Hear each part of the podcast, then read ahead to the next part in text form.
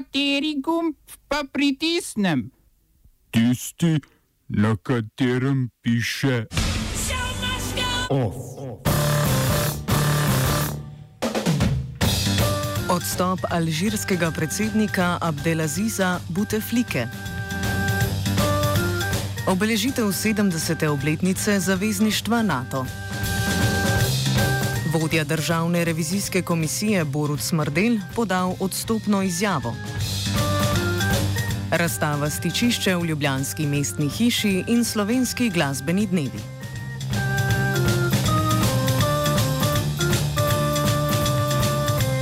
Včeraj zvečer, le nekaj ur po pozivu poveljnika alžirske vojske generala Ahmeda Gaeda Salaha o nezmožnosti opravljanja funkcije, je alžirski predsednik Abdelaziz Buteflika odstopil z položaja. Njegov odstop je sprožilo šest tednov demonstracij državljank in državljanov na ulicah prestolnice Alžir in preostalih večjih mest.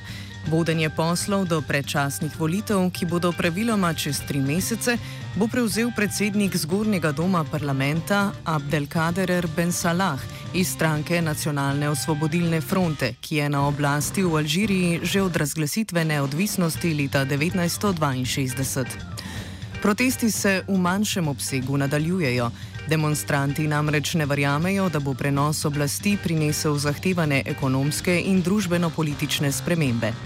Še posebej ob upoštevanju, da je alžirska vojska, ki ima sicer pomembno vlogo pri prenosu oblasti, tesno povezana z alžirsko poslovno in politično elito, ki pripada vodilni stranki FLN.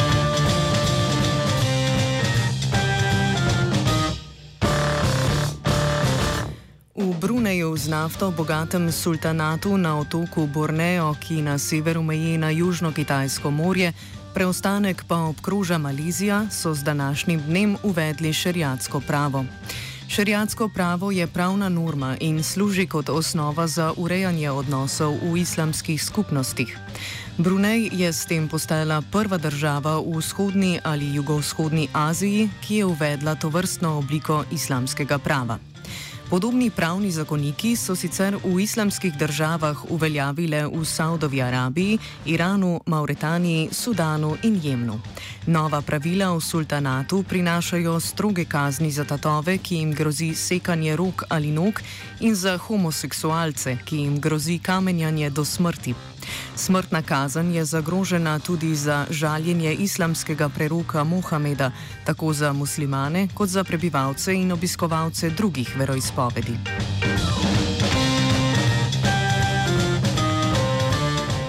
Včerajšnjem pozivu predsednika venezuelskega vrhovnega sodišča Majkela Morena venezuelski ustavodajni skupščini o odpravi imunitete opozicijskega poslanca Juana Guaidoja je danes to tudi storila.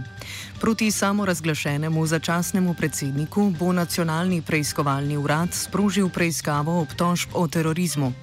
Guaido je na Twitterju sporočil, da bodo njegovi privrženci silovito odgovorili v primeru njegovega izginotja ali ugrabitve.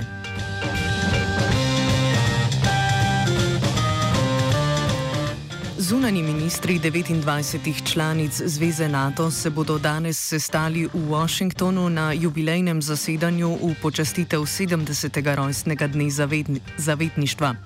Severnoatlantsko obrambno organizacijo je 4. aprila 1949 s podpisom pogodbe v auditoriju Andrew Mellon ustanovilo 12 držav: ZDA, Kanada, Velika Britanija, Francija, Belgija, Danska, Italija, Islandija, Luksemburg, Nizozemska, Norveška in Portugalska. Zasedanje pa ni namenjeno le zgodovinskemu spominu na ustanovitev zavezništva, ki ga bo z govorom pred ameriškim kongresom počastil generalni sekretar NATO Jens Stoltenberg, temveč tudi pogovorom o višanju obrambnih izdatkov njenih članic.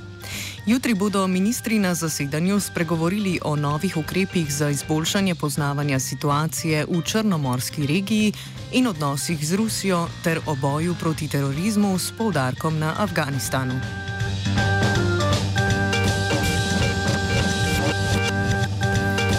Evropske unije in Evropski parlament sta včeraj zvečer dosegla dogovor o brezvizumskih obiskih britanskih državljanov v šengenskem območju Evropske unije.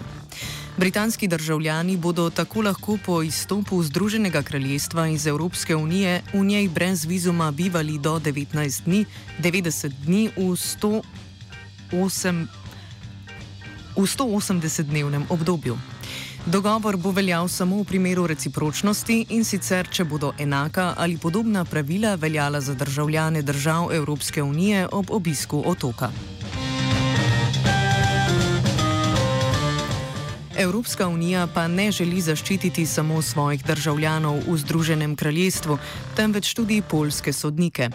Od sprejetja nove pravosodne zakonodaje in disciplinske ureditve Polskega vrhovnega sodišča septembra lani se proti njim lahko sprožijo disciplinske preiskave in sankcije zaradi vsebine njihovih sodniških odločitev. Po oceni Evropske komisije, ki je proti Polski sprožila prvi opomin, uredba ne zagotavlja varoval pred političnim nadzorom sodnikov in ne zagotavlja sodne neodvisnosti. Podpredsednik komisije Franz Timmermans je povdaril, da se pojavljajo tudi resna vprašanja o učinkoviti uporabi prava Evropske unije.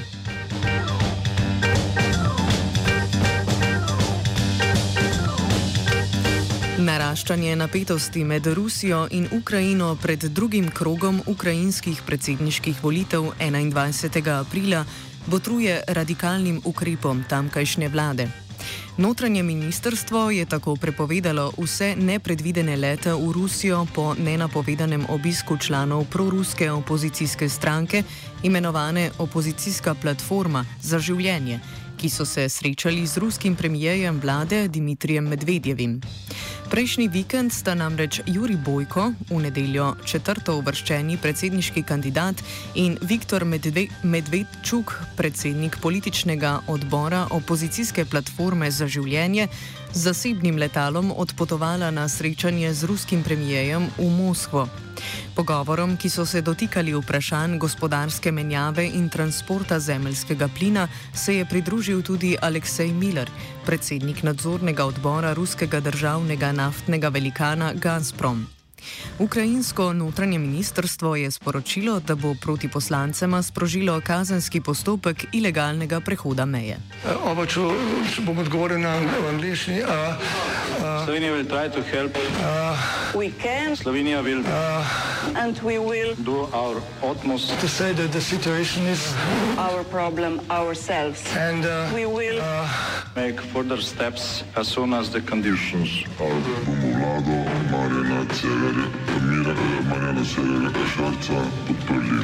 Very, very serious news from Slovenia. We know how and we will. Uh, Vodja državne revizijske komisije Borut Smrdel je v državni zbor poslal odstopno izjavo. Razlogi za njegov odstop naj bi bili povezani s poskusi vplivanja na delo njegovega organa in njegovo odločanje, pa tudi načrtno vzbujanje dvoma o integriteti zaposlenih. Smrdel je bil na mesto predsednika revizijske komisije imenovan septembra 2012, predtem pa je bil tam 8 let zaposlen kot svetovalec.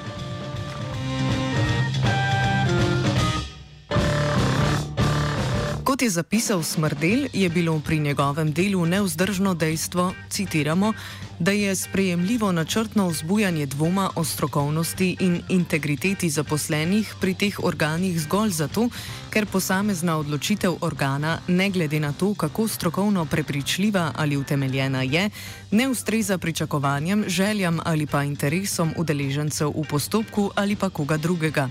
In da je povsem sprejemljivo v položaju, ko je strani neodvisnega državnega organa ugotovljeno nezakonito ravnanje, kot odgovornega za ta položaj prikazati organ, ki je nezakonitost razkril, ne pa tistih, ki so ravnali nezakonito.